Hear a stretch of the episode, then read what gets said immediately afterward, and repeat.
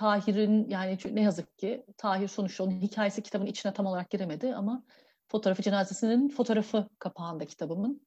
Ee, bu kitap bu bu fotoğrafı ben çok hem içim acıyarak hem de içime sinerek seçtim. Ee, çünkü bütün hikayeyi anlatan bir şey bu. Ee, orada e, cübbeleri içinde e, Kürt avukatları görüyoruz.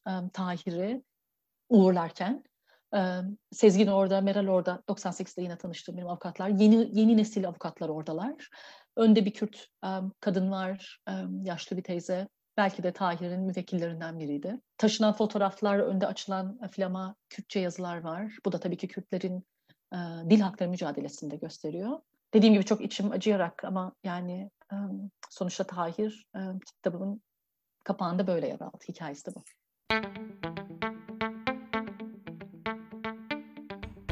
Demos Araştırma Merkezi, Türkiye'de ve dünyada çatışma ve barış, toplumsal cinsiyet, insan hakları, geçiş dönemi adaleti ve hafıza gibi konularda ana akım olana eleştirel bakış açıları sunuyor.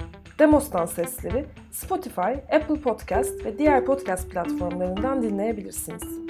Bu podcast, Friedrich Ebert Stiftung Derneği Türkiye temsilciliğinin katkılarıyla hazırlanmıştır. Demos'tan Sesler'den herkese merhaba. Ben Atiye. Bugün Demos'tan Sesler'in yeni üyesi Polat'la birlikte ilk podcast yayınımızı gerçekleştireceğiz. Bu nedenle bugün bir tık daha heyecanlı olduğumuzu belirterek hoş geldin diyeyim Polat sana. Merhabalar, hoş bulduk. Demos'tan Sesler'le birlikte sizlerle olmak çok güzel. Ee, biz de teşekkür ediyoruz. Bugün alandan seçmelerde Harç School'da akademisyen olan Dilek Kurban konuğumuz olacak.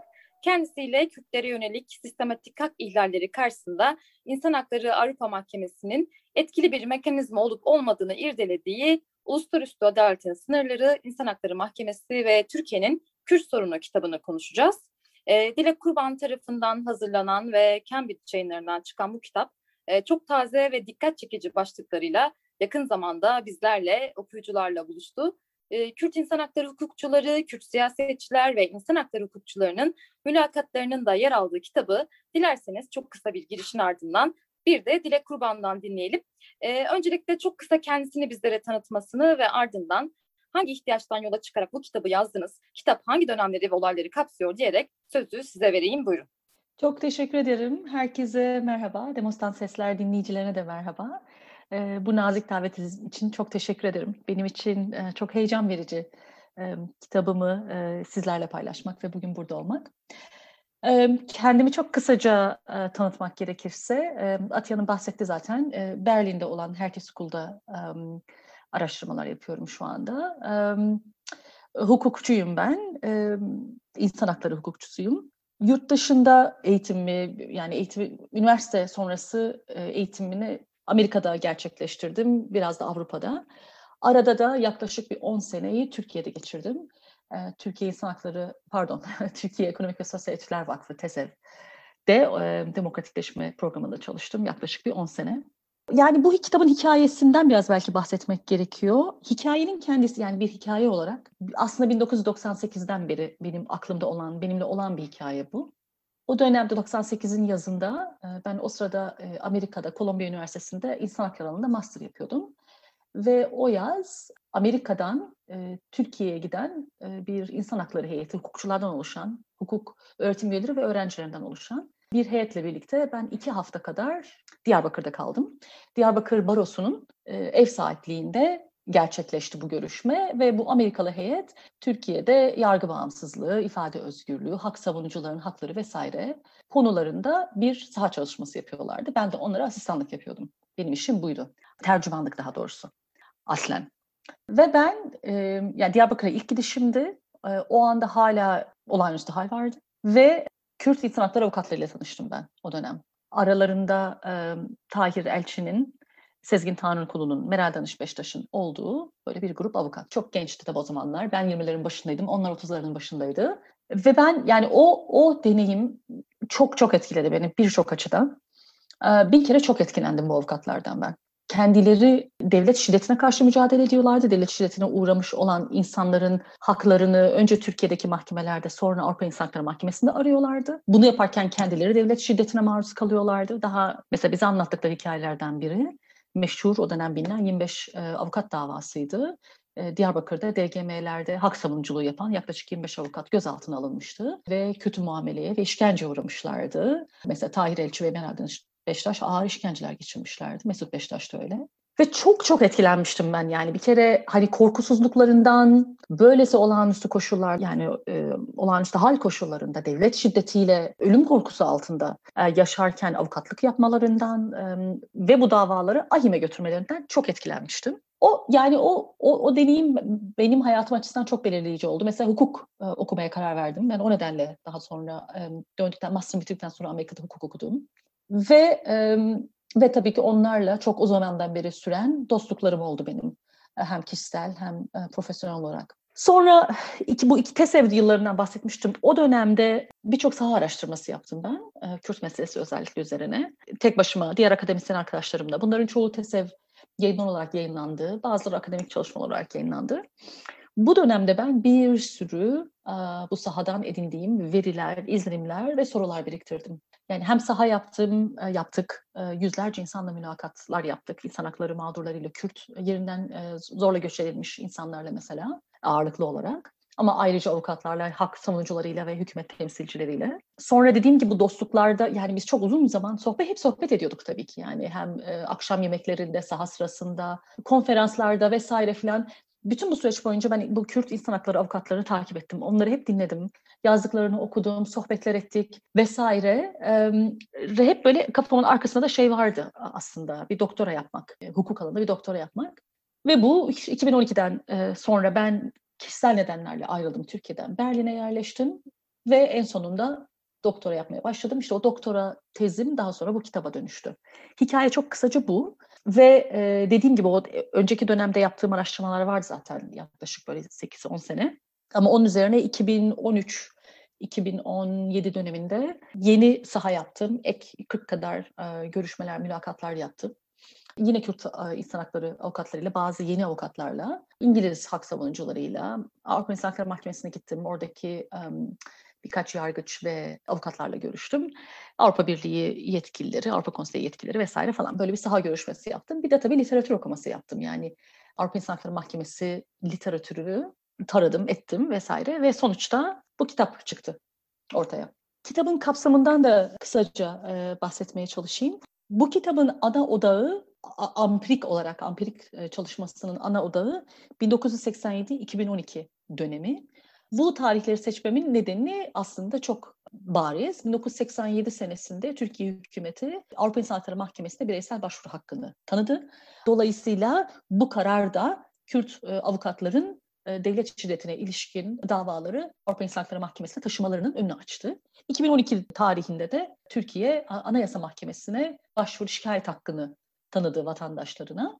Bu da önemli tabii ki çünkü böylece Avrupa İnsan Hakları Mahkemesi'ne gitmeden önce tüketilmesi gereken yeni bir iç hukuk mekanizması daha e, oluşturulmuş oldu. Bunu söylemekle birlikte kitabım 87 ile başlayıp 2012 ile bitmiyor. Bir kere kitabın bilinci bölümü, e, arka plan e, bölümü. E, burada iki tane, e, e, yani buradaki bölümlerde ben şeye bakıyorum. Osmanlı'nın son döneminden bu yana Türkiye'de Kürt meselesinin, Türkiye'nin anayasal ve yasal düzeninin Avrupa ile ilişkilerinin genel olarak Avrupa ile, özel olarak Avrupa Birliği ile ve Avrupa İnsan Hakları Sözleşmesi düzeniyle ilişkilerinin, insan hakları politikalarının, insan hakları sözleşmelerine ilişkin dış politikalarının gelişmesini anlatıyorum. Bu epey detaylı bir arka plan bilgisi var burada. Ve bunu yaparken ayrıca yine bu bölümde yani dediğim gibi 1987'den önce Türkiye'ye karşı bireysel başvuru götürme hakkı yoktu. Ancak Avrupa İnsan Hakları Sözleşmesi'nde devletlerin birbirlerine karşı dava açmasına ilişkin bir mekanizma vardı her zaman. Ve bu Türkiye'ye karşı kullanıldı 87'den önce. Kıbrıs devleti Türkiye'nin, Türkiye ordusunun Kıbrıs'ta işlediği ağır insan hakları ihlallerine ilişkin birkaç başvuruda bulundu, dava getirdi. Bir de bir grup Batı Avrupa ülkesi 1980 darbesinden sonra Türkiye'de yaşanan özellikle cezaevlerinde yaşanan ağır işkencelere karşı bir başvuruda bulundu. Bunların nasıl çözüldüğüne dair bilgi de yine burada var. Kitabın birinci ve sonuç bölümünde de 2012 seneden bu yana özellikle de 2015 yılında işte bu sokağa çıkma yasakları ve tabii ki darbe sonrası gelişmeleri de anlatıyorum. Yani ve bunu anlatırken de şunu gösteriyorum aslında özellikle sonuç bölümünde. bu son dönemde yaşanan gelişmelerde gerek Türkiye'de olan hak ihlalleri ve Türkiye yargısının tutumu gerek Avrupa İnsan Hakları Mahkemesi'nin bu başvurulara ilişkin kararları da benim aslında kitaptaki edindiğim sonuçları, bulguları doğrular nitelikte. Hak ihlalleri açısından benim odağım devlet şiddeti e, ve burada dört tür ana e, hak ihlallerine, ağır insan hakları ihlallerine odaklanıyorum. E, yargısız infaz yani fail meçhul cinayetler, gözaltında kayıplar, işkence ve köy boşaltmaları. Ama ikinci olarak Kürtlerin kültürel ve siyasal hak taleplerine e, ve buna ilişkin ahim kararlarına da baktım ben. Dolayısıyla bütün bu süreçte yani 87'den bu yana, 87 tarihinden bu yana Avrupa İnsan Hakları Mahkemesi'nin Kürt meselesine ilişkin verdiği bütün kararları çok yakından inceledim. Bunu yaparken mahkemenin içtihatının nasıl genişlediğine, e, geliştiğine baktım. Sadece kararları değil, yani ihlal kararlarını değil, kabul edilmezlik kararlarını mahkemenin dostane çözümlerle sonuçlanan kararlara baktım. Sadece çoğunluğun kararlarını incelemedim, muhalefet şerhlerini de çok yakından inceledim. Ve yani kitabın kapsamı bu. Çok kısaca belki kitabın kapağından bahsetmek istiyorum ben baş, bahsetmiştim 98'de benim için bu hikayeyi başlatan yani Diyarbakır Barosu'nda avukatlarla yaptığım görüşmelerde ve ben o zaman Tahir Elçi ile tanışmıştım. O günden sonra Tahir benim çok yakın dostum, meslektaşım, arkadaşım oldu. Ben yaptığım bütün saha çalışmalarında yıllar içerisinde hep Tahir'le görüştüm. Hep onun onun bilgisine, tecrübelerine başvurdum ve onu ben her zaman büyük bir hayranlıkla izledim. Şeyi hatırlıyorum benzer ve diğerleri kararı ama yani bu çok çok güçlü bir karar vermişti orada Avrupa İnsan Hakları Mahkemesi. Onu okuduğum zaman Berlin'deydim. Mesaj attığımı hatırlıyorum. Ona çok tebrik ettiğimi, çok teşekkür ettiğimi. Her zaman gerçekten çok büyük hayranlık duyduğum bir hukukçuydu Tahir. Ve en son 2015'in Nisan'ında ben Diyarbakır'dayım. Saha için gitmiştim. Yine görüştük tabii ki her zamanki gibi ben onu ziyaret ettim. Ve ya yani o zaman tabii baro başkanıydı çok yoğundu ama yine de e, ofisinde buluştuk. Benim birkaç sorum vardı böyle acil yazdığım bir makaleye ilişkin. Onları her zamanki gibi çok yardımcı oldu, yanıtladı. Ve ben Tahir'le de görüşecektim. Yani diğer insan hakları hukukçularıyla yaptığım gibi Tahir'le de derin bir mülakat yapacaktım. Yani onun avukatlık hikayesini, bütün onun yaşam hikayesini, avukatlık hikayesini, ahim hikayesini dinlemek için başka zaman yaparız diye konuştuk. Birkaç ay sonra bana e-mail attı Berlin'deymiş. Ben o sırada yurt dışında burada değildim. Görüşemedik ve sonra Tahir'i öldürdüler ve yani tabii o hepimiz için çok korkunç, korkunç, korkunç bir şeydi. Kitabın kapağını düşünürken ben Tahir'in yani ne yazık ki Tahir sonuçta onun hikayesi kitabın içine tam olarak giremedi ama fotoğrafı cenazesinin fotoğrafı kapağında kitabımın bu kitap bu, bu fotoğrafı ben çok hem içim acıyarak hem de içime sinerek seçtim. Çünkü bütün hikayeyi anlatan bir şey bu. Orada cübbeleri içinde Kürt avukatları görüyoruz. Tahir'i uğurlarken. Sezgin orada, Meral orada. 98'de yine tanıştığım benim avukatlar. Yeni yeni nesil avukatlar oradalar. Önde bir Kürt kadın var, yaşlı bir teyze. Belki de Tahir'in müvekkillerinden biriydi. Taşınan fotoğraflar, önde açılan flama Kürtçe yazılar var. Bu da tabii ki Kürtlerin e, dil hakları mücadelesinde gösteriyor. Dediğim gibi çok içim acıyarak ama yani e, sonuçta Tahir e, kitabımın kapağında böyle yer aldı. Hikayesi de bu. Kitabın hikayesini hem de e, kişisel olarak deneyimlediklerinizi çok kısaca anlattınız. Ben de buradan devam ederek bir şeyler söyleyeyim. E, şimdi kitap Taybet İnan'ın sarsıcı hikayesiyle başlıyor. E, bu arada bu hikaye beni de aslında kişisel olarak fazlasıyla etkileyen bir hikaye. E, çünkü kitabınızda o satırları okudukça kendi açımdan da bir hatırlama anı ve bir bellek tazeleme yaşadım diyebilirim. E, şöyle ki 57 yaşında 11 çocuk annesi Kürt bir kadın olan e, Taybet İnan sokağa çıkma yasakları döneminde evinden komşusunu ziyaret etmek amacıyla çıkıyor. Tam o sırada nereden geldiği belli olmayan bir kurşunun hedefi oluyor e, bu olay karşısında ailede büyük bir çaresizlik yaşıyor e, ve tabii ki ne yazık ki sonrasında inanın ölümüne şahitlik ediliyor. Bu açıdan çok ağır bir hikaye, aynı zamanda çok travmatik bir hikaye. E, peki bu olayların yaşandığı dönem bu noktaya nasıl evriliyor, nasıl evrildi? Çünkü öncesinde bir barış süreci var, çözüm sürecinin olduğunu biliyoruz, bunları konuşuyoruz. Derken Türkiye 2015 yılında çözüm sürecinin sona ermesinin ardından askeri operasyonların yoğunlukta olduğu bir süreci yaşıyor. 2015 itibariyle Kürt bölgelerinde sokağa çıkma yasakları ilan ediliyor. Bu, ve bu yasaklar haftalar, aylar sürüyor ve çok ciddi ağır insan hakları ihlalleri yaşandı diyebiliriz bu süreçler açısından. Ee, aslında Taybet İnan ve beraberindeki birçok sivil ölüm, ağır insan hakları ihlalleri böylesi bir sürecin ardından gelişiyor. tüm bunlar yaşanırken öte yandan Türkiye'nin Avrupa İnsan Hakları Mahkemesi'ni çok erken bir zamanda imzaladığını ve taraf olduğunu biliyoruz. 1954 gibi bir zamandan bahsediyoruz. Tam da bu anlamda bu olaylar ve ağır insan hakları ihlalleri yaşanırken İnsan Hakları Mahkemesi'nin Kürt davalarında ikililiği ve caydırıcılığına ilişkin neler söyleyebilirsiniz? Şimdi biz eğer bir ulus Avrupa İnsan Hakları Mahkemesi gibi uluslararası bir insan hakları mahkemesinin etkinliğini, etkin olup olmadığını sadece kararlarının uygulanması üzerinden okuyacak bile olsak ki buna geri geleceğim. Ben böyle okumaması gerektiğini düşünüyorum. Ama yeniden söyleyecek olursam yani uluslararası bir insan hakları mahkemesinin etkin olup olmadığını e, ölçütünü biz sadece e, hükümetlerin bu onun kararlarına e, uyup uymadığı, yerine getirip getirmediği üzerinden ölçecek bile olsak 2015 sonrasında yaşanan gelişmeler, sizin e, özetlediğiniz Atiye gelişmeler bile başlı başına Avrupa İnsan Hakları Mahkemesi'nin etkin olmadığını gösteriyor. Yani böylesi ağır insan hakları ihlallerinin süre gelmesi hala Türkiye'de 2015 senesinde hala yaşanıyor olması sadece Türkiye'nin iç siyasi, toplumsal, tarihsel dinamikleriyle açıklanamaz. Buradan geri dönüp şunu söylemek istiyorum belki aslında önce. Şeyden bahsetmiştim hani size bu yaptığım literatür okumasından falan. Belki kitabın odağından çok kısaca bahsetme fırsatım da olur burada. Evet evet buyurun. Şuradan başlayalım. Sizin de söylediğiniz gibi Türkiye Avrupa İnsan Hakları Sözleşmesi'ni 1954 yılında onayladı. Sadece bu da değil. Türkiye Avrupa İnsan Hakları Sözleşmesi'ni oluşturan, o masanın etrafında oturan az sayıdaki devletten biri. Yani Türkiye Avrupa İnsan Hakları sisteminde çok temel bir ülke, kurucu ülkelerden yani sözleşmeyi kuran ülkelerden biri. Başından beri bu işin içinden olan bir ülke. Avrupa İnsan, Hakları Mahkemesi'ne dair akademik literatüre baktığınız zaman beni çok sarsan bir tabloyla karşılaşmıştım ben ve hala bunu çok sarsıcı olduğunu düşünüyorum. Şöyle bir genel kanı var ve bu çok kabul gören bir kanı. Avrupa İnsan Hakları Mahkemesi dünyadaki en etkili insan hakları mahkemesi. Genel olarak Avrupa İnsan Hakları sistemi çok etkin bir sistem ve aksamalar da ağırlıklı olarak mahkemenin Soğuk Savaş sonrası yeni üyelerin yani eski Doğu Avrupa, eski komünist ülkelerin katılımıyla mahkemenin iş yükünün çok artması dan kaynaklanıyor. Arıza bir tek buradan kaynaklanıyor. Evet çok uzun sürüyor, mahkeme çok yavaş işliyor ama işte iş yükü çok ağır. Sadece iş yükü de değil, bu yeni üyeler yani eskiden sosyalist olup Berlin duvarının çökmesinden ve Soğuk Savaş'ın bitmesinden sonra katılan ülkeler çok yapısal yepyeni sorunlar getirdiler Avrupa İnsan Hakları sistemine. Çok ağır insan hakları ihlalleri, çok yapısal sorular ve dolayısıyla hani mahkeme daha önce yapmak zorunda olmadığı bir işlev edindi. Şimdi buna baktığınız zaman böyle bir ikilik var burada. Yani şöyle bir ikilik eski ülkeler, eski ülkeler, Avrupa Konseyi'nden bahsediyorum. Avrupa Konseyi'nin eski üyeleri e, yerleşik demokrasiler, hukuk düzenleri olan,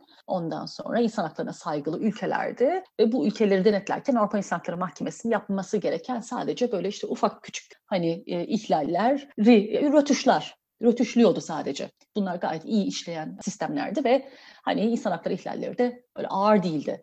Soğuk Savaş'tan sonra yani bu genişlemeden sonra eski Doğu bloku ülkeleri katıldıktan sonra yepyeni bir tablo çıktı karşımıza. Yeni ülkeler, bu yeni üyelerde işte hukuk düzeni yani yeni demokrasiler, henüz demokrasisi oturmamış, henüz hukukun üstünlüğü oturmamış, insan hakları vesaire henüz oturmamış ülkeler. Şimdi tabii Türkiye bu tabloya uymuyor değil mi? Çünkü Türkiye başından beri bu işin içinde. Ama hiçbir zaman demokrasi yani benim gösterdiğim bir de bu kitapta. Türkiye hiçbir zaman bir demokrasi olmadı. Bu sadece son 4-5 senenin meselesi değil. Ve bütün bu süreç boyunca Türkiye'de birkaç kez darbe oldu. Çok ağır insan hakları ihlalleri işlendi, işleniyor. Yani 1980 darbesinden bu yana. Kıbrıs'ta var tabii. Türkiye'nin Kıbrıs'ta yaptığı ağır insan hakları ihlalleri de var. Ve tabii ki Kürt bölgesi var değil mi? Ve yani bu hala süre geliyorsa ve de sizin dediğiniz gibi 2015 sonrası var. Yani burada bir sorun var öyle değil mi? Yani demek ki ahim dünyanın bu kadar en etkili mahkemesi ise bu nasıl oluyor değil mi? İşin başından beri sistemin içinde olan bir ülke nasıl oluyor da hala darbelerin veya darbe girişimlerinin olduğu böyle çok ağır ağır çok ağır insan hakları ilerlerin yaşandığı bir ülke olabiliyor. Dolayısıyla benim burada söylediğim şey biz etkinliğini yani bir Uluslararası İnsan Hakları Mahkemesi'nin etkinliğini sadece kararlarını uyup uyulmadığıyla ölçemeyiz. Özellikle otoriter rejimler söz konusu olduğunda ki Türkiye'de otoriter bir rejim. Çünkü otoriter rejimler genel olarak zaten bireysel kararlara uysalar bile politikalarını öyle kolay kolay değiştirmiyorlar. Burada önemli olan bence etkinlik açısından önemli olan, belirleyici olan Uluslararası İnsan Hakları Mahkemesi'nin elinden gelenin en iyisini yapıp yapmadığı, çok kabaca söyleyecek olursak. Yani elindeki bütün mekanizmaları, var olan bütün mekanizmaları ve araçları etkin denetlemek için kullanıp kullanmadığı. Ve bunun yanıtı Türkiye söz konusu olduğunda hayır. Avrupa İnsan Hakları bunu, Mahkemesi bunu yapmadı. Şimdi 2015 sonrası Avrupa İnsan Hakları Mahkemesi kendi kendisini etkisizleştiriyor. Çok daha çarpıcı bir boyuta ulaştı. Bu meselenin yani Türkiye'nin Türkiye'yi denetleme işinden neredeyse büsbütün çekildi Avrupa İnsan Hakları Mahkemesi. Değil mi? Yani sokağa çıkma yasaklarına ilişkin 34 başvuru yapıldığı o dönem acil tedbir başvuruları yapıldı. Bunların sadece 5 tanesinde acil tedbir kararı verdi Avrupa İnsan Hakları Mahkemesi. 29'unu reddetti. Daha sonra zaten esasdan da bütün başvuruların hepsini totalinden reddetti. İç hukuk yollarının tüketilmesi gerekçesiyle. İç hukuk yolları deliydi. Sonuçta Anayasa Mahkemesi. Ama tabii Anayasa Mahkemesi ne yapıyordu o dönemde ve hala? O da reddediyordu bu kararları. Değil mi? Ama tabii şöyle bir şey de var. Belki Taybet İnan hikayesine geri dönecek olursak. Ben o hikayeyle başladım. Çünkü Atiye Hanım sizin de dediğiniz gibi çok sarsıcı bir hikaye. Bir de beni kişisel olarak da çok etkiledi. Yani çok korkunç hikayeler vardı orada tabii ama özellikle o beni çok kötü etkiledi. Belki de yani kendi annemi düşündüm onun bedeninin böyle bir hafta boyunca, bir hafta boyunca ölü bedeninin çocuklarının, ailesinin, kocasının gözü önünde onlar pencereden görebiliyorlardı. Sokakta bırakılmış olması, ailenin o ölü bedeni sokaktan almalarına bile izin verilmemiş olması, bunu yapmaya çalışırken üzerlerine silahlar atılması, yetkililerin ilgili mevzuatı değiştirerek Taybet İnan'ı apar topar kendilerinin gömmesi, gömmesi, cenazeye sadece iki çocuğunun katılmasına izin vermeleri, eşi ve dokuz çocuğunun orada olmalarına izin vermemeleri, aileye mezar başında bir dua etme hakkını bile esirgemeleri vesaire falan. Yani çok korkunç bir hikaye bu. Ve buna rağmen Avrupa İnsan Hakları Mahkemesi yani buna rağmen bu kararı, bu başvuruyu reddetti. Ve bence zaten belki de en acıklı olan şeylerden biri Avrupa İnsan Hakları Mahkemesi'nin yargıçlarına bugün soracak olsanız bu hikayeyi büyük ihtimalle bilmiyorlardı zaten. Yani çok da fark etmediler onlar, çok da ilgilenmediler zaten ne olup ne bittiğiyle. Aslında şey de çok acı yani. Mesela hep bir 90'lar Türkiye'si bahsediliyor. 90'lar Türkiye'si üzerinden bir takım karşılaştırmalar yapılıyor günlük siyaset okunurken ya da işte bugünkü meselelere bakarken. Ama bu olayların yaşandığı dönem 2000'ler Türkiye'si ve çok ağır ihlaller yaşanıyor. Belki bu da çok çarpıcı bir şey. Yani, yani bunları konuşurken aslında bir 90'ları da yaşamıyoruz diyoruz. Ne kadar hani bu da çok kulak tırmalayan bir şey olsa da bunları yine 2000'lerde yaşıyor olmak ve hala yaşıyor olmak gerçekten çok can sıkıcı ve e, ağır geliyor belki de. Çok haklısınız. Bir de şöyle bir şey de var. Yani 90'larla ilgili tabii birçok benzerlikler, farklılıklar var ama en temel farklılıklardan biri Türkiye şu anda yani 2015'te ve halen Avrupa Birliği'ne ile müzakere sürecinde olan bir ülke. Bu açıdan çok daha korkunç yapıyor bu bütün bu meseleyi. Yani Avrupa bir bütün olarak Avrupa'nın sadece Avrupa Konseyi'nin değil de bütün olarak Avrupa kurumlarının etkinliği meselesi veya aslında şöyle söyleyelim sadece etkinlik meselesi de değil. Duyarsızlığı, duyarlılığıyla ilişkin bir şey söylüyor. Avrupa Birliği ile müzakere yürüten bir ülke olmak ne demek? Kopenhag siyasi kriterlerini yerine getirmiş bir ülke demek. Yani demokrasinin, hukukun üstünlüğünün, insan haklarının ve azınlık haklarının korunduğu bir ülke demek. Bu dönemde oluyor bu. O açıdan da yani bir de böyle bir ayrı bir temel fark var. Belki tam burada ağır insan hakları ihlallerinden hayatta kalanlar ve kitabınızla bir bağlantı kurarak devam edebiliriz. Kitabınızın birinci kısmında Türkiye, Avrupa ve Kürtler için tarihi sürecin hangi ağlarla örüldüğünü ve devlet şiddetinin türlerini, faillerini ve hayatta kalanlar, mağdurlar arasındaki bağlantıları ayrıntısıyla aktardığınızı görüyoruz. Birinci kısmın sonlarında cezasızlık ve devlet şiddetinde hayatta kalanlara ilişkin dört hikayeden bahsediyorsunuz. Burada hak ihlallerinin türleri ve buna bağlı olarak hedef alınan grupları da ayrıca görebiliyoruz. Dört hikaye özelinde Kürt sivillerin ve köylülerin, Kürt kadınların ve Kürt entelektüellerin sırasıyla zorla kaybettirme ve zorunlu göç, gözaltında cinsel şiddet ve yargısız infaz gibi hak ihlallerine maruz bırakıldıklarını okuyoruz.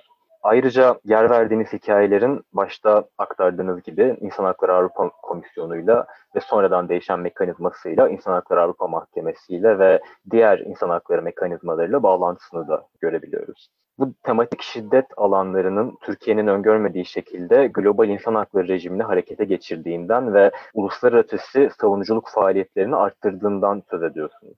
Bütün bu hukuki mobilizasyona rağmen İHAM kararlarının bağlayıcılığına ilişkin sınırlılıktan ve yapısal değişikliklerden ziyade bireysel onarım sağlama işlerinden söz ediyorsunuz. Günümüzde hala yaşanan hak ki büyük bir kısmı aslında e, şu anda bahsettiklerimizin paralelinde gelişiyor. Ve bir kısmı İnsan Hakları Avrupa Mahkemesi'nde görülmeye devam eden davalarla birlikte İHAM'ın sınırlılıklarına ve belki de değerlendirilmeyen imkanlarına ilişkin neler söyleyebiliriz? Polat Bey çok teşekkür ederim bu soru için. Öncelikle her ikinize de ben dinleyicilerin huzurunda da bir kez daha teşekkür etmek istiyorum. Bu e, mülakatı, bu söyleşiyi yapmadan önce kitabımı okuduğunuz ve çok dikkatli okuduğunuz ve böylesi güzel, harikulade sorular çıkardığınız için. Bu tabii benim için çok değerli. Teşekkür ederim. Tabii şey çok zor yani e, kısaca anlatmak çok zor. Çünkü kitap epey bir şey, epey bir malzeme var bu kitapta. Belki şöyle kısaca bir şey söyleyeyim. Onu ihmal ettim. Yani benim odağım, kitabın odağı 1987 ve 2012 arasındaki dönem. 1987 belirleyici çünkü o sene Türkiye devleti, özel hükümeti e, Türkiye vatandaşlarına Avrupa İnsan Hakları Mahkeme Komisyonu o dönem bireysel başvuru yapma hakkını tanıdı. 2012'de önemli çünkü 2012 senesinde e, Türkiye Anayasa Mahkemesi'ne bireysel başvuru yapma hakkı, anayasal şikayette bulunma hakkı tanındı. Dolayısıyla ben benim odağım buydu çünkü 2012'den sonra Anayasa Mahkemesi Avrupa İnsan Hakları Mahkemesi'ne gitmeden önce tüketilmesi gereken ek bir iç hukuk yolu oldu. Ama buna rağmen bunu söylüyorum ama yani Taybet'in inan hikayesiyle başlıyorum ve sonuç bölümünde yani kitabın başın ilk bölümünde ve sonuç bölümünde 2012 sonrası gelişmelere de tabii ki aktarıyorum ve onları da değerlendiriyorum. Ve şey söylüyorum, savunuyorum ve bence çok doğru, doğru bir şekilde savunuyorum. Yani 2012'den beri, 2015'ten özellikle beri olanlar kitabın te- tezini de doğrulayan nitelikte. Öte yandan 1987 ile de aslında başlamıyor tabii hikaye. Kitabın ilk bölümü arka planda ben Osmanlı'nın son döneminden bu yana Türkiye'nin Kürt politikası, Avrupa ile ilişkileri, anayasal düzenin gelişmesi, insan hakları politikasını dair bir arka plan sunuyorum. Ve burada e, Türkiye'nin Avrupa İnsan Hakları Mahkemesi ile hikayesini de 50'lerden bu yana başlatıyorum. Çünkü 80 1987'den önce bireylerin başvurma hakkı yoktu ama devletlerin birbirlerine karşı e, şikayet mekanizması vardı ve bu Türkiye'ye karşı sadece bir kez kullanıldı. O hikayeyi anlatıyorum mesela. Türkiye'deki insan hakları ihlallerine ilişkin bir kez kullanıldı sadece darbe sonrası, 1980 darbe sonrası. Ama ayrıca Kıbrıs'ta, Kıbrıs'ta Türkiye'nin yaptığı ağır insan hakları ihlallerine ilişkin şikayet mekanizması kullanılmıştı. Dolayısıyla bütün bunlar var. E, ama benim dediğim ya hani hikayenin başı zaten Kürt insan hakları avukatları. Dolayısıyla benim ilgilendiğim şey şu. İki şeye bakıyorum ben aslında hem literatür olarak da. Bir tanesi aşağıdan yukarıya. Biraz önce Polat Bey hukuki mobilizasyon dedi. Tam da bu. Yani Kürt insan hakları avukatları Avrupa İnsan Hakları Mahkemesi'ni bir mobilizasyon, siyasi dönüşüm, sosyal dönüşüm için bir mobilizasyon aracı olarak kullandılar. Türkiye üzerine baskı getirmek için ve bunu nasıl yaptılar? Ne tür zorluklarla karşılaştılar? Bunu nasıl başardılar? sonuçta hani bu 30 yıllık hikayede nereye geldiler, dönüp baktıklarına Avrupa İnsan Hakları Mahkemesi'ne nasıl bakıyorlar vesaire. Bu aşağıdan yukarıya. Bir de yukarıdan aşağıya o da daha böyle konvansiyonel, daha klasik e, hukuk e, analizi. Orada da işte Avrupa İnsan Hakları Mahkemesi'nin içtihatına baktım. Bütün içtihatına. Dediğim gibi devletler arası şikayetler, kararlar ama aynı zamanda e, kabul edilmezlik kararlarına baktım. Dostane çözüme ilişkin kararlara baktım. Sadece çoğunluğun kararlarına değil, muhalif üyelerin de çünkü bazı durumlarda muhalif e, şerhik olan yargıçlar vardı. Onların kararlarını inceledim ve ben Kürt insan hakları, Kürt meselesine ilişkin bütün kararlarını çok ayrıntılı okudum. Ve de bunu yaparken de mahkemenin içtihatının gelişimine baktım. Ana odağım ağır insan hakları, hakları ihlalleri, devlet şiddeti. Ve bu da biraz önce Polat Bey çok güzel özetledi sağ olsun. Gözaltında kayıplar, e, yargısız infazlar, işkence ve de köy boşaltmaları. İkincil olarak ama, ikincil olarak da şeye de baktım. Kürtlerin kültürel ve siyasi hak talepleri ve mahkemenin buna ilişkin cevapları. Şimdi bu arka yani böyle bir giriz, yine tekrar bir uzun girizgahtan söyle sonra ama bunu söyleme ihtiyacı hissettim yani kitabın neye ilişkin olduğunu anlatmak açısından. Şimdi Avrupa İnsan Hakları Mahkemesi'nin Kürt meselesine ilişkin içtihatı söz konusu olduğunda anlatacak tek bir hikaye yok. Söylenecek tek bir hüküm yok bence. Döngüsel bir hikaye bu. Döngüler var. Benim belirlediğim en az üç dönem var, üç döngü var. Şimdi bir işin başında aktif denetim dönemi var. Bu böyle 90'ların ortasından 2000'lerin başına kadar.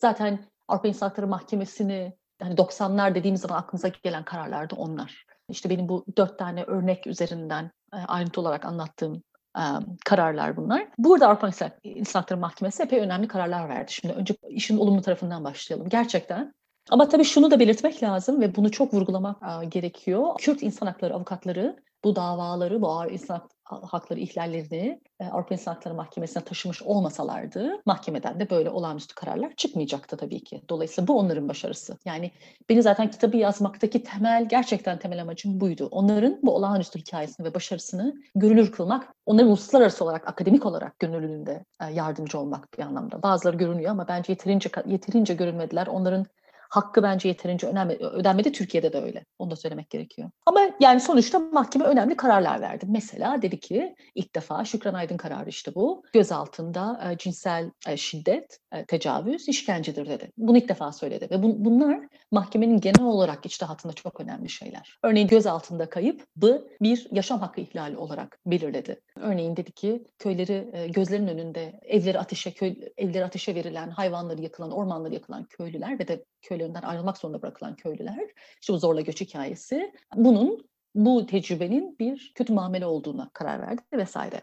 Usulen esneklik yani usul usule ilişkin esneklik gösterdi, epey gösterdi Avrupa İnsan Hakları Mahkemesi e, o dönemde. En önemlisi de iç hukuk yollarının tüketilmesi gerek tüketilmesi gereken kararında bazı istisnai kararlara gitti. Yani normalde çünkü iç hukuk yolları tüketilmeden Avrupa İnsan Hakları Mahkemesi'ne gidilmez. Ahim aktıvar var kararı 1996 tarihli aktıvar var ve diğerleri kararında dedi ki olağanüstü hal bölgesi söz konusu olduğunda orada oradan gelen orada hukuk çok etkili olmadığı için gerçi bunu bu kadar söylemedi ama yani dedi ki ben iç hukuk yollarını tüketmeden bana gelebilirsiniz. Fakat o dönemde dahi yani bu daha böyle görece aktif denetim yaptığı dönemde dahi Avrupa İnsan Hakları Mahkemesi hiçbir zaman yetkisini bütünüyle kullanmadı. Nasıl yapmadı? Mesela iç hukuk yollarının o dönemde olağanüstü hal bölgesinde iç hukuk yollarının etkin olmadığına dair genel bir karar vermedi. Ki o dönemde yani etkin olmadığı falan yok, iç hukuk yoktu yani. Zaten yani yargı hiçbir şekilde, hiçbir şekilde denetlemiyordu ağır insan hakları ihlallerini. Yani ya hiç zaten soruşturma açılıyordu. Ya, ço- çoğunlukla soruşturma bile açılmıyordu zaten. Mahkeme mesela bunu söylemedi. Söyleseydi yani tek tek hep hep hep böyle tek tek baktı. Bütüncül bir karar vermedi Avrupa İnsan Hakları Mahkemesi. Ve şunu söylemeden önemli olarak ki bu istenmişti ondan. Her defasında talep edilmişti. Türkiye'de, bölgede o dönem e, Kürtlere ve o bölgede yaşayan sivillere karşı bir devlet şiddeti politikası olduğuna, buna yönelik bir idari pratik olduğuna dair bir karar vermedi. Yani şunu söylemedi, olan şeyi söylemedi. Türkiye devleti sınırlar içerisindeki bir bölgede yaşayan halka karşı ağır hak ihlallerinde bulunuyor. Bu bir devlet politikası demedi. Bunun demesinin hı hı. siyasi öneminden nin yanı sıra hukuki önemi vardı. O demediği için birincisi her seferinde her başvurucu iç hukuk yollarını tüketmek için elinden geldiğini yaptığını ispat etmekle yükümlüydü. yükümlüydü. İkincisi ve bu çok önemli ispat yükü başvurucularda kaldı. Yani örneğin kayıp yakınının kaybedildiğini ispat etmek zorunda kaldılar insanlar. Şimdi otoriter bir rejimde hukuk zaten işlemiyor değil mi? İnsan hakları vesaire tamamen hani Aynen öyle. alınmış. Bunu ve üstelik devlet yani güvenlik görevlileri söz konusu kişiyi gözaltına aldıklarını dahi reddediyorlar. Yok öyle bir şey diyorlar. Gözaltına almadık biz onu. Gözaltına alınmasının dahi kabul edilmediği bir, bir yerde siz yakınınızın, oğlunuzun kaybedildiğini nasıl ispatlayacaksınız? Bu mümkün değil. Ve çok ağır bir ispat yükü. İspat yükü ağırdır Avrupa İnsan Hakları Mahkemesi'nin ve bunda hiçbir zaman esneklik göstermedi. Ki buna dair çok önemli muhalif şerhleri düşüldü. Böyle bir ispat yükünün olmaması gerektiğini. Ve ayrıca bir de şu da var. İlk baştaki sorularda başlat, e, sanıyorum Polat Bey siz bahsettiniz. Ben bundan da uzun uzun bahsediyorum. Yani sadece Avrupa İnsan Hakları Mahkemesi değil, o dönemdeki Birleşmiş Milletler ve Avrupa Konseyi'nin yargı dışı denetim mekanizmalarının Türkiye ilişkin faaliyetlerini, bütün raporlarını da inceledim. İşte Birleşmiş Milletler'in Avrupa Konseyi'nin özel raportörleri, sunumları vesaire komiteler bir sürü. Onlar onlar saha yaptılar yani saha araştırmaları yaptılar, olgu saptama raporları yayınladılar ve bu raporlarda şu söylenmişti o dönemlerde 1990'larda. Türkiye'de işkencenin sistematik olduğu. Kaldı ki Türkiye Büyük Millet Meclisi'nin de raporları var biliyorsunuz. Faili meçhul cinayetlere ilişkin. Avrupa İnsan Hakları Mahkemesi bunları delil olarak da kabul etmedi. Bir de öyle bir şey de var. Çünkü siz otoriter bir rejimle eğer karşı karşıyaysanız ve bu rejim ihlalleri, bütün bu e, şikayetleri külliyen reddediyorsa ve sürekli reddediyorsa, hiçbir zaman böyle bir şey olmadığını, varsa bir hak ihlali bunu PKK'nın yaptığını iddia ediyorsa, savcılar hiçbir soruşturma yapmamışsa, hiçbir delil toplanmamışsa, başvuru sahiplerinden bunu ispat, yani böyle bir ispat yükü yapamazsınız değil mi? O zaman ne yapacak Avrupa İnsan Hakları Mahkemesi? Yapması gerekirdi. Amerikalar arası yani Amerikan sisteminde de bir um, İnsan Hakları Mahkemesi var. Mesela o mahkeme daha ilk kararında Honduras'a ilişkin yine gözaltında kayıp kararıydı, zorla kaybedilme kararıydı. Daha ilk kararında bunu yaptı. Avrupa İnsan Hakları Mahkemesi'nin yapmadığını yaptı. Dedi ki ben o zaman bu iş bütününe bakarım dedi örneğin. Gazete haberlerini delil kabul etti. Değil mi? Doğrudan delil olmasa bile. O dönemde yazılmış insan hakları örgütlerinin yazdığı raporları kabul etti. Tanıklıkları kabul etti bir sürü insan. Çünkü Türkiye'deki gibi olmuştu Honduras'taki meselede yani. Sokakta yürürken böyle bir araba yanaşıyor. işte adamı alıyorlar, atıyorlar içine. Bir daha da hiçbir şekilde görülmüyor. E, bedeni de bulunmuyor. Aynı hikaye. Ve tanıklıkları da kabul etti. Ve bunun üzerinden daha ilk kararında ve bir kararda o mahkeme dedi ki Honduras'ın zorla kaybetme politikası vardır dedi. Avrupa İnsan Hakları Mahkemesi bunu hiçbir zaman demedi ve diyebilirdi. Benim temel argümanım aslında bu. Yani şimdi uzun uzun yine çok uzun konuştuğum için şeyi size söyleyemedim ama elindeki e, yetkileri, mekanizmaları, araçları hiçbir zaman bütünüyle kullanmadı Avrupa İnsan Hakları Mahkemesi daha 90'larda bile. Ve iş 2000'lere geldiği zaman işin rengi daha da değişti. Bu işte ikinci dönem. Hani üç dönemden bahsetmiştim. Belki çok kısaca söyleyeyim. Burada Avrupa Birliği işin içine giriyor. Türkiye Avrupa Birliği'ne aday üye kabul ediliyor 99'da. AK Parti iktidara geliyor. Çok büyük bir böyle AB e, üyesi olma e, iddiası ve amacıyla ve Türkiye devletinin Avrupa İnsan Hakları Mahkemesi ilişkileri kökünden değişiyor. Belki burayı başka bir soruyla daha açabiliriz. Tabandan e, mücadele ve e, belirli çağlar olduğundan, belirli zamanlarla İnsan Hakları Mahkemesi'nin duruşunun değiştiğinden söz ediyorsunuz. Kitabınızın devamında e, aslında Kürt hukukçular Türkiye Devleti ve İHAM başlığı altında e, öncelikle Kürt insan hakları mücadelesi çerçevesinde stratejik davallamanın nasıl şekillendiğinden ve başta İnsan Hakları Derneği olmak üzere insan hakları aktivistlerinin dönüştürücü etkisinden ve Kürt insan hakları hukukçularının tabandan mücadeleyi hukuk hayali nasıl ilerlettiğinden söz ediyorsunuz. İHAM'ın Kürt hukukçular tarafından stratejik anlamda kullanılmasından söz ederken hukuki mobilizasyonda altın bir çağ yaşandığından özellikle değindiğiniz gibi zorla kaybetmeler, yargısız infaz, e, işkence ve kötü muamele, zorunlu göç ve mülkiyet hakkı ihlalleri davalarında bizzat bireysel davalardan örnekler vererek de e, söz ediyorsunuz. Bununla birlikte belki de bu zaman aralığının değişmesiyle mahkemeden çıkan kararların usul ve esasla ilişkin tutarlılığının farklılık gösterdiğinden, sonradan mahkemenin başvurulara daha dar bir çerçeveden bakmaya başladığından ve stratejik davalamalara karşı devletin de karşı hamleler ürettiğinden söz ediyorsunuz. Belki o altın çağ olarak nitelendirdiğimiz zamanın sonrası oluyordur bu. E, günümüzde mahkemenin tabandan mücadeleyle ilişkisini ve hak ihlallerinin sistematik boyutunun tespit edilmemesi bakımından duruşunu e, şu an için nasıl değerlendirirsiniz? Çok teşekkür ederim tekrar Polat Bey. Siz iyi ki bu soruları soruyorsunuz. Gerçekten çok güzel toparlıyorsunuz hani kitabın içeriğini. Ben teşekkür ya... ederim hocam. Hani siz yazdığınız için e, sorabiliyoruz. E, tekrar kaleminize sağlık. Sağ olun.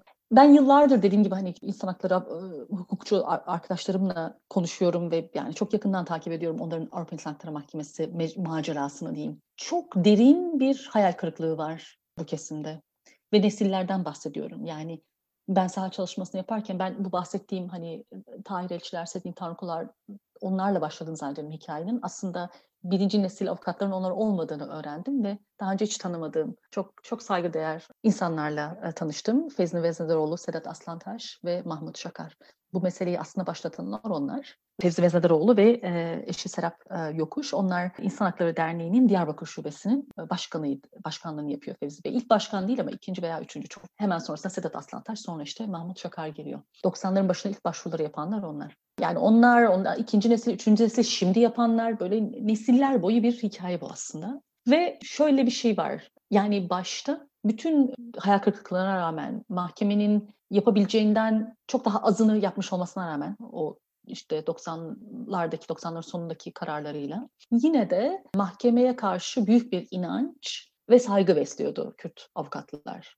Ve mahkeme de aslında mahkemenin Avrupa'daki belki en büyük müttefiklerinden biri onlardı gerçekten ve de yardımcıları. Çünkü dediğim gibi yani şu anda mahkemeye ilişkin, her sözleşmeye ilişkin herhangi bir ders kitabını açın, içtihat sayılan bir sürü karar devlet şiddetine ilişkin. Yani bu avukatların başarısı. İngiliz e, avukatların da desteğiyle. Onu da ayrıca anlatıyorum. O da ayrı bir hikaye ama hepsinin söylediği şey şu. Yani 2000'lerde bambaşka bir şey oluyor. Türkiye Avrupa Birliği'nin baskısı altında reformlar yapmaya başladığında şunu söylemek lazım. AK Parti iktidarı şunu çok iyi anladı iktidara geldiğinde. Avrupa İnsan Hakları Mahkemesi'nin önemini. Bir, hem Avrupa Birliği'nden müzakere e, statüsü almak için bu kararlara uyması gerektiğini çok iyi öğrendi. İkincisi, uluslararası saygınlığı, itibarını kazanmak için mahkemeyi karşısına almaması gerektiğini anladı. Üçüncüsü tazminatları düşürmek için, daha az tazminat ödemek için dostane çözüme gitmenin ve aslında daha da iyisi iç hukukta yeni mekanizmalar yaratmanın önemini anladı. Ve bu olmaya başladı. Ve bu şeyden önce olmaya başladı bu arada. Yani Anayasa Mahkemesi'ne başvuru hakkının tanınması 2012'den bahsetmiştik. Ondan çok önce oldu. Bunun miladı aslında ilk başta 2001'de değişiyor hikaye. 2001'de daha AK Parti iktidara gelmeden önce Türkiye hükümeti şey yapmaya başlıyor. İhlal bulunan kararları sayısını azaltmak için kabul edilmiş yani mahkeme tarafından kabul edilmiş olan kararlarda başvuruculara yaklaşıp onlara dostane çözüm üretiyor bir şekilde. Ve bunu yaparken de tek taraflı bildiriler yayınlıyor. Ve bunu kabul etmeyen yani onun devletle e, dostane çözüme gitmeyen başvurucuları Avrupa İnsan Hakları Mahkemesi 2001 yılında böyle bir dizi kararı var. Kısa bir dönem bu. Cezalandırmaya başlıyor. Reddediyor onların e, başvurularını.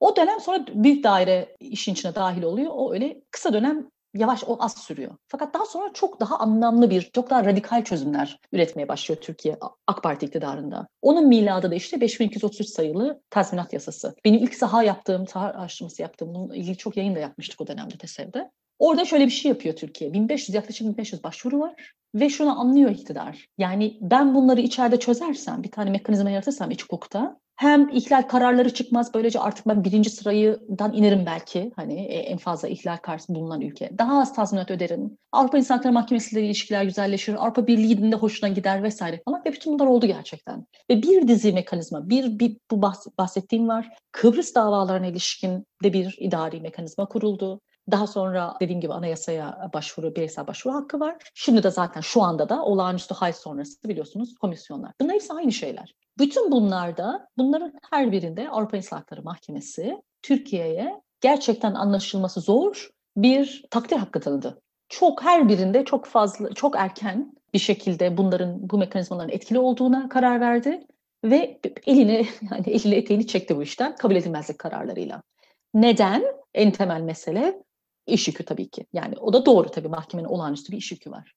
Sadece o da değil galiba. Yani şu da var bence onu da söylüyorum. Yani bu yeni bir Türkiye özellikle bu işte 2000'lerin ortalarında sonlarında Türkiye'nin değiştiği artık yeni bir Türkiye olduğuna dair bir inanç da yerleşti aslında. Hem mahkemede hem Avrupa'da genel olarak. Türkiye'de de öyle. Öyle görüyorduk zaten biz de. Ben de öyle görüyordum o dönem. Dolayısıyla mahkemenin çekildiğini görüyoruz. Bu Kürt hukukçular açısından mahkeme ilişkilerini bütünüyle eleştiren bir şey oldu. Çünkü artık kabul edilmez yani onların başvuruları kabul edilmez bulmaya başladı. Ki bu da ağır insan hakları ihlalleri. Ve bu bunların çözümü Türkiye'ye atılmış oldu.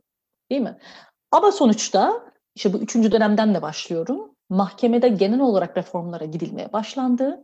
2000'lerin ortasında İkinci ve üçüncü madde yani yaşam hakkı ihlalleri ve işkenceye ilişkin davalara, başvurulara öncelik verilmeye başladı. Eskiden çünkü mahkeme başvuruları başvuru tarihiyle değerlendiriyordu. Sonra öncelikleri değiştirdi. Dedi ki ben önce bu önce bu davalara bakayım dedi. Böyle yapınca da Türkiye'ye ilişkin kararlar çık ardı ardına kararlar çıkmaya başladı ve sadece 90'lara ilişkin değil. Çünkü Atiye Hanım hani Taybet İnan'dan bahsettik 2015'ten ama aslında bölgede devlet şiddetinin yeniden başlaması 2000'lerin ortasıdır. 2016'dan falan sonra başladı. Hatırlarsak evet, gösterilerde evet, hatırlıyoruz değil mi? Hani polisin gösterilerde orantısız şiddet kullanması, e, yani insanların e, ölmeleri vesaire falan o dönem var. E, sonra tabii Roboski var vesaire falan. Neyse bu çok karmaşık bir hikaye. Ben de bunu iyi beceremiyorum. Çok özür diliyorum yani bunu böyle hani kısa kısa yanıt vermek ama ee, şöyle aslında çok önemli şeylere vurgu yaptınız. Çok önemli şeylere değindiniz.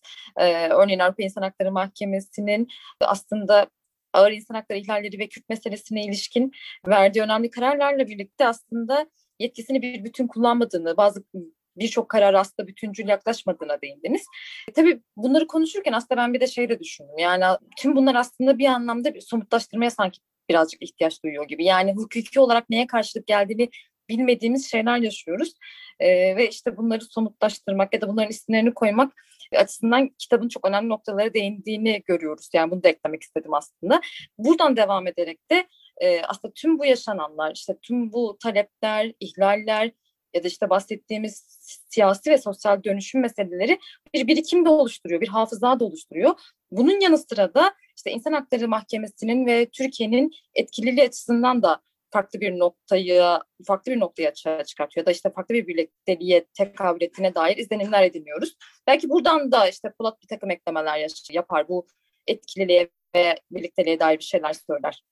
Evet aslında e, temel meselenin gerçekten İnsan Hakları Mahkemesi'nin Kürt meselesine yaklaşımının bütünlüklü olarak e, bir çerçeve olarak eksiklikleri olduğunu söyleyebiliriz. Dilek Hoca özellikle kitabında Kürtler, Türkiye ve İHAM ilişkisini tabandan ve yukarıdan, yukarıdan nasıl olduğunu bahsetmek gerekirse İHAM bakımından devlet şiddetinin nasıl değerlendirileceği yönünden de ele alıyor. Tabandan ve yukarıdan ele alınan bu süreçlerin bizzat insan hakları kuşularının kendileri ve aktivistler, Türkiye hükümet yetkilileri, siyasetçiler, Avrupa Konseyi yetkililerinin ikazdan aktarımlarıyla oldukça zengin ve dolaysız bir şekilde ele alındığını görüyoruz. Bununla birlikte gerçekten belki de merkeze alabileceğimiz meselenin e, etkililik ve e, kullanılmayın imkanları olduğunu e, söyleyebiliriz. Etkililiğe ilişkin verilebilecek çarpıcı bir örnek olarak yakın zamanda Demirtaş 2 Büyük Daire kararının yerine getirilmemesi ve hali hazırda devam eden hukuk mücadelesini gösterebiliriz. Ayrıca yakın zamanda İnsan Hakları Mahkemesi Başkanı Hakim Spano'nun Türkiye ziyareti, Türkiye ve İHAM ilişkisi bakımından eşit benzeri görülmemiş bir örnekti. Mevcut durumda İHAM ve Türkiye'nin birbiri için ifade ettiği anlam ve etkinlik meselesine bugünden neler söyleyebiliriz? Çok kısaca bahsedebilir misiniz? Yani bu etkinlik meselesine ben tekrar şeye geleceğim. Çünkü bunun çok önemli olduğunu düşünüyorum. Burada mesele şeyden çok, gerçekten Türkiye'nin bu kararlara uyup uymamasından çok Avrupa İnsan Hakları Mahkemesi'nin de dediği. Yani ben ısrarla bunu özellikle bunu söylerken aslında hitap ettiğim, hitap etmeye çalıştığım kesim özellikle e, akademi yani bu konuda çalışan Avrupa Mahkemesi'nde çalışan akademi ve tabii mahkemenin kendisi. Demirtaş kararı örneğin Türkiye uygulamaya evet ve bu çok korkunç. Yani şaşırıyor muyuz? Şaşırmıyoruz. Demirtaş'ın kendisinin Erdoğan için artık yani neredeyse bir e, yaşamsal bir e, tehdit olarak algılandığı çok açık.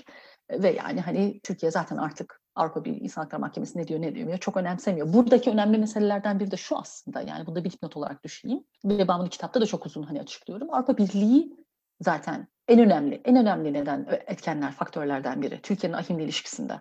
Yani Türkiye az biraz yol aldıysa 2000'lerde Avrupa Birliği ne e, müzakere, önce aday olabilmek için sonra müzakere statüsü alabilmek için de son zamanlarda iyice işin çığırından çıktıysa veya hani Türkiye böyle son hız iyice ne otokrasiye doğru gidiyorsa da Avrupa Birliği meselesinin artık kapanmış olduğu için. Yani mesela Avrupa İnsan Hakları Mahkemesi'nin kendisi değil. Ama yine de bence önemli olan mahkemenin elinden geleni yapıp yapmadığı.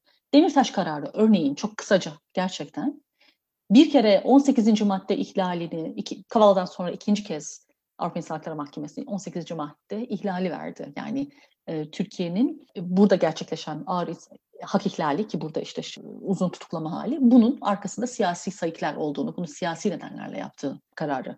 18. madde öteden beri orada olan bir madde. Bütün bu süreçte yani Demirtaş içi, tutuklanan ilk Kürt siyasi parti şey milletvekili değil değil mi? E, kapatılan kaç tane Kürt siyasi parti var? Gözaltına alınan binlerce, sadece Kürt değil tabii insan hakları hukukçusu var. Bugün işte Öztürk Türkdoğan'ı gözaltına aldılar. Yani buna rağmen Avrupa İnsan Hakları Mahkemesi bütüncül bir 18. madde ihlali vermiyor. İşte hala bir teker teker ve hala sadece iki tane. 14. madde daha bir kez bile Avrupa İnsan Hakları Mahkemesi Türkiye'nin Kürtlere karşı ayrımcılık yaptığını söylemedi. Bu olağanüstü bir şey. Olağanüstü hal örneğin Türkiye'de bölgede tam 15 sene sürdü. 15 sene bir olağanüstü hal sürmez. Çünkü olağanüstü hal yapısı gereği hani olağanüstü bir halde olur. Kısa olması gerektirir. Avrupa İnsan Hakları Mahkemesi mesela bunu hiçbir zaman sorgulamadı. Hiçbir zaman. Hiçbir zaman sormadı Türkiye'ye. Gerçekten Kürt bölgesinde gerekli mi? Gerçekten hala gerekli mi olağanüstü hali hali? Anlatabiliyor muyum? Yani aslında et, denetim yapmayan, gerçekten etkin, gerçek bir denetim yapmayan bir insan hakları mahkemesi bu. Şimdi Spano'ya buradan gelecek olursa, Spano'nun ziyareti hani artık bütün bu meseleyi taçlandıran bir şey oldu ama gerçekten Polat Bey'in dediği gibi eşi gözü, eşi benzeri görülmemiş bir şeydi. Ama öte yandan şeye baktığımız zaman Avrupa İnsan Hakları Mahkemesi ile Türkiye'nin dediğim gibi bu 2000'lerin ortasından beri özellikle AK Parti iktidarı beri olan ilişkisine baktığınız zaman aslında çok da şaşırtıcı bir şey değil. Mahkeme tamamen şeye odaklanmış durumda. Yani iş yükünü azaltma. Onların şu andaki tek şeyi, tek derdi, yani en büyük derdi üzerlerindeki davalardan kurtulmaya çalışmak. Dolayısıyla kim onlarla hangi ülke, e, üye ülke onlara işbirliği teklif ederlerse hani koşulsuz, sorusuz, sualsiz kabul ediyorlar.